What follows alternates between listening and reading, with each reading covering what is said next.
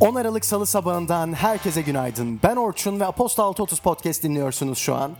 Bugün herkes için normal bir 10 Aralık gibi hissettiriyor olabilir. Hatta belki de normal günlerden tek farkı geride bıraktığımız günlerin kasvetli havasındansa bir tık daha aydınlık bir sabaha uyanmamız ve buna duyduğumuz neşe de olabilir. Ama 10 Aralık dünya tarihi için ilginç bir gün. Hadi gelin öncesinde bu ilginçliklere bakalım. Sonra da 10 Aralık Salı gününün gündemiyle sizleri baş başa bırakayım. 1768 yılının 10 Aralığında Britannica Ansiklopedisi ilk baskısını Edinburgh'de yayınlamış. Aynı şekilde 1868 yılına doğru gittiğimizde ilk trafik ışıklarının gaz lambaları olarak İngiltere'de tekrardan 10 Aralık gününde kullanılmaya başlandığını görüyoruz. 1884'te ise Mark Twain Huckleberry Finn'i piyasaya çıkarmış. İnsan geçmişi böyle okudukça gelecekte bugünler nasıl anılacak merak etmiyor değil. Neyse şimdilik bu merakım benle kalsın. Ben en iyisi sizleri 10 Aralık Salı gününün Aposto 630 Podcast gündemiyle baş başa bırakayım. Keyifli dinlemeler.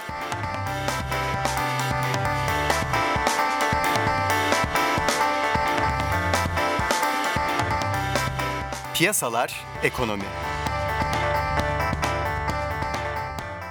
Dünya Ticaret Örgütü'nün uluslararası ticari anlaşmazlıkları çözmeye yönelik çalışan temyiz kurulunda görev yapan 3 hakimden ikisinin görev süresi bugün itibariyle doluyor. Dünya Ticaret Örgütü tüzüğüne göre en az 3 hakimin dosyaları incelemesi gerekirken yeterli sayıya ulaşılamadığı için kurulan faaliyetleri askıya alınacak. ABD hükümeti 2 yıldan uzun süredir kurula yeni atama yapılmasını engellemekte. Petrol ihraç eden ülkeler örgütünün geçtiğimiz hafta Mart 2020'ye kadar petrol arzında günlük toplam 1,7 milyon varil kısıntıya gitme kararı almasının ardından ham petrol fiyatlarında yükseliş bekleniyor. Goldman Sachs 2020 için Brent petrolün ortalama varil fiyatı beklentisini 60 dolardan 63 dolara yükseltti. Merkez Bankası'nın farklı sektörlerden 67 katılımcıyla gerçekleştirdiği Aralık 2019 beklenti anketi bugün yayınlandı.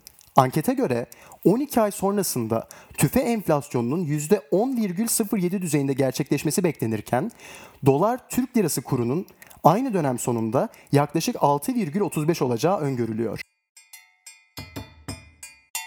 İş dünyası, şirketler.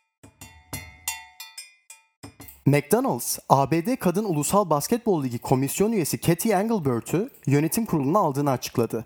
Engelbert, 2015 ila 2019 yılları arasında da Deloitte'un CEO'luk görevini üstlenmişti. Fransız eczacılık şirketi Sanofi, kanser ve bağışıklık sistemi hastalıklarına karşı tedavi yöntemleri geliştiren Kaliforniya merkezli biyoteknoloji firması Syntorx'u 2,5 milyar dolara satın alacak. Benzer bir satın alım haberi de Amerika Birleşik Devletleri'nden geldi. ABD'li eczacılık ve ilaç firması Merck, kanser ilaçları geliştiricisi Arcul'u 2,7 milyar dolara satın alacağını açıkladı. İnternet ve teknoloji şirketi Prosus, Ekim ayında Just Eat'i satın almak için yaptığı 6,3 milyar dolarlık teklifi 6,7 milyar dolara çıkardı. Berko İlaç, akredite ARGE merkezi belgesi alarak bu belgeye sahip Türkiye'deki 31. ilaç şirketi oldu. Akkuyu Nükleer Santrali'nin proje sürecini yöneten firma Akkuyu Nükleer AŞ, Türkiye Elektrik İletişim AŞ ile elektrik iletim sistemine bağlantı anlaşması imzaladı. Teknoloji Startup Alibaba'nın da yatırımcıları arasında olduğu Hong Kong merkezli Autox, Kaliforniya'da gözetmen sürücünün bulunmadığı otonom araç testleri yapabilmek için lisansa başvurdu. Amazon'a karşı yürütülen antitrust soruşturması bulut hizmetlerini kapsayacak şekilde genişletiliyor. Amazon, bulut hizmetlerinde pazarın %48'ine hakim durumda. İkinci en büyük şirket ise %16 ile Microsoft. Çin, önümüzdeki 3 yıl içerisinde devlet dairelerinden yabancı kaynaklı yazılım ve donanımları tamamen kaldırmayı düşünüyor. Avrupa Konseyi ve Avrupa Komisyonu stabil kripto paralar hakkında bir ortak bildiri yayınladı. Ekim'deki G7 raporuna atıfta bulunan bildiri, bütün yasal ve regülatif kaygılar giderilmeden ilgili paraların faaliyete geçmemesi gerektiğini beyan etmekte. Bildiride adı doğrudan geçmese de Facebook'un Libra projesi de bir stabil kripto para olarak nitelendirilmekte. Desantralize hesaplama platformu Ethereum'un İstanbul isimli çatallanması gerçekleşti. Güncelleme ile performans ve işlem ücretlerinde iyileştirmeler ve gizlilik odaklı kripto paralarla uyumlu çalışma gibi özellikler hayata geçti. Politika Pazar günü Kuzey Kore'nin Ulusal Savunma Akademisi'nin ülkenin batı kıyısında uzun menzilli füze düzeneklerinin kullanıldığı çok önemli bir test gerçekleştirdiği açıklaması ABD-Kuzey Kore ilişkilerinde gerilime sebep oldu. Yeni bir roket motorunun yörüngeye uydu gönderme ya da katı yakıtlı kıtalar arası füzeler için kullanılabileceği spekülasyonları dolaşırken ABD Başkanı Trump'ın Kuzey Kore lideri Kim Jong-un hakkındaki düşmanca davranırsa kaybedecek şeyi çok sözleri gerilimi tırmandırdı. Türkiye'nin Stockholm Büyükelçisi Hakkı Emre Yunt, Nobel Edebiyat Ödülü almaya hak kazanan Avusturyalı yazar Peter Handke'nin Bosna Hersek'te yaşanan soykırımı inkar etmesi ve savaş suçları ve soykırımdan yargılanırken hayatını kaybeden Sırp lider Slobodan Milošević'e hayranlık duyması gerekçesiyle ödül törenine katılmayacak. Finlandiya'da Sosyal Demokrat Parti lideri seçilen 35 yaşındaki Ulaştırma Bakanı Sanna Marin, 5 partili koalisyonun lideri olarak başbakanlık görevini devralacak ve ülkenin en genç başbakanı olacak. Başbakanlık görevini yürüten eski sendikacı Antir'in ülkedeki posta grevi sebebiyle koalisyon ortaklarından Merkez Parti'nin güvenini yitirmişti.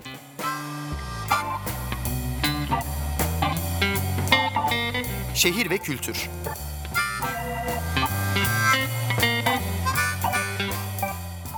Her yıl Hollywood Yabancı Basın Birliği tarafından verilen Altın Küre ödüllerinin 2020 adayları açıklandı. Şehirdeki protestolara rağmen planlandığı üzere Mart 2020'de açılacağını açıklayan Art Basel Hong Kong, katılımcı galerilere destek olmak amacıyla %5 ve %10 arasında indirim yapacağını duyurdu. Daha önce Şili'nin başkenti San Diego'da yapılacak olan Şili Güncel Sanat Fuarı, ülkedeki karışık politik durum nedeniyle ertelenmişti.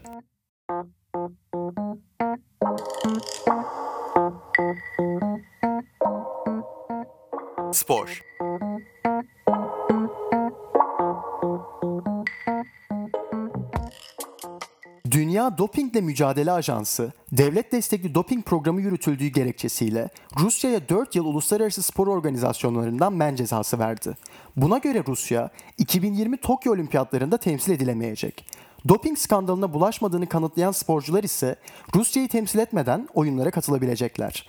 Rusya'nın Euro 2020'ye ev sahipliği ve katılımı, ayrıca 2021 Şampiyonlar Ligi ev sahipliği ise cezadan muaf tutulacak. Rusya, Katar'da düzenlenecek 2022 Dünya Kupası'na da katılamayacak olsa bile bu karara itiraz hakkına sahip olacak.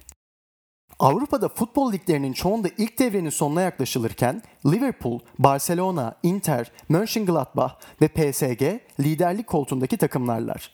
Bu 5 büyük ligdeki son durumları e-posta bültenimizde bulabileceğiniz TRT Spor haberindeki linkten inceleyebilirsiniz. Geçtiğimiz gün Minnesota Timberwolves'u 142-125 mağlup eden Los Angeles Lakers'ta Anthony Davis 50 sayı, LeBron James ise 32 sayı kaydetti. Toplamda 82 sayı kaydeden ikili böylece 2013 yılından bu yana Lakers'ta ard arda maçlarda 70 sayı ve üstü kaydeden ilk ikili oldular. Bu başarıyı en son 2013'te Kobe Shaq ikilisinde görmüştük. Brezilya'nın köklü kulüplerinden Cruzeiro geçtiğimiz gün evinde Palmeiras'a 2-0 yenildi ve 98 yıllık kulüp tarihinde ilk kez küme düştü.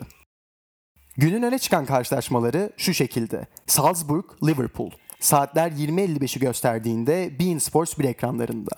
Salzburg eğer kazanırsa yüksek ihtimalle gruptan çıkacak. Liverpool kaybederse eğer elenme tehlikesiyle karşı karşıya.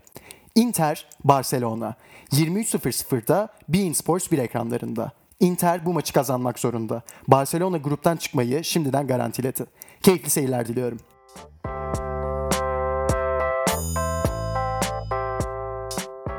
10 Aralık Salı günü özelinde gündemin öne çıkan başlıklarını Aposto 630 podcast aracılığıyla dinlediniz. Ben Orçun. Yarın hafta içi her gün olduğu gibi saatler 6.30'u gösterdiğinde günün yani 11 Aralık çarşamba gününün gündeminden öne çıkan başlıklarla sizlerle olacağım. O vakte kadar kendinize iyi bakmanızı diliyorum. Mutlu olmayı eksik etmeyin. Görüşürüz.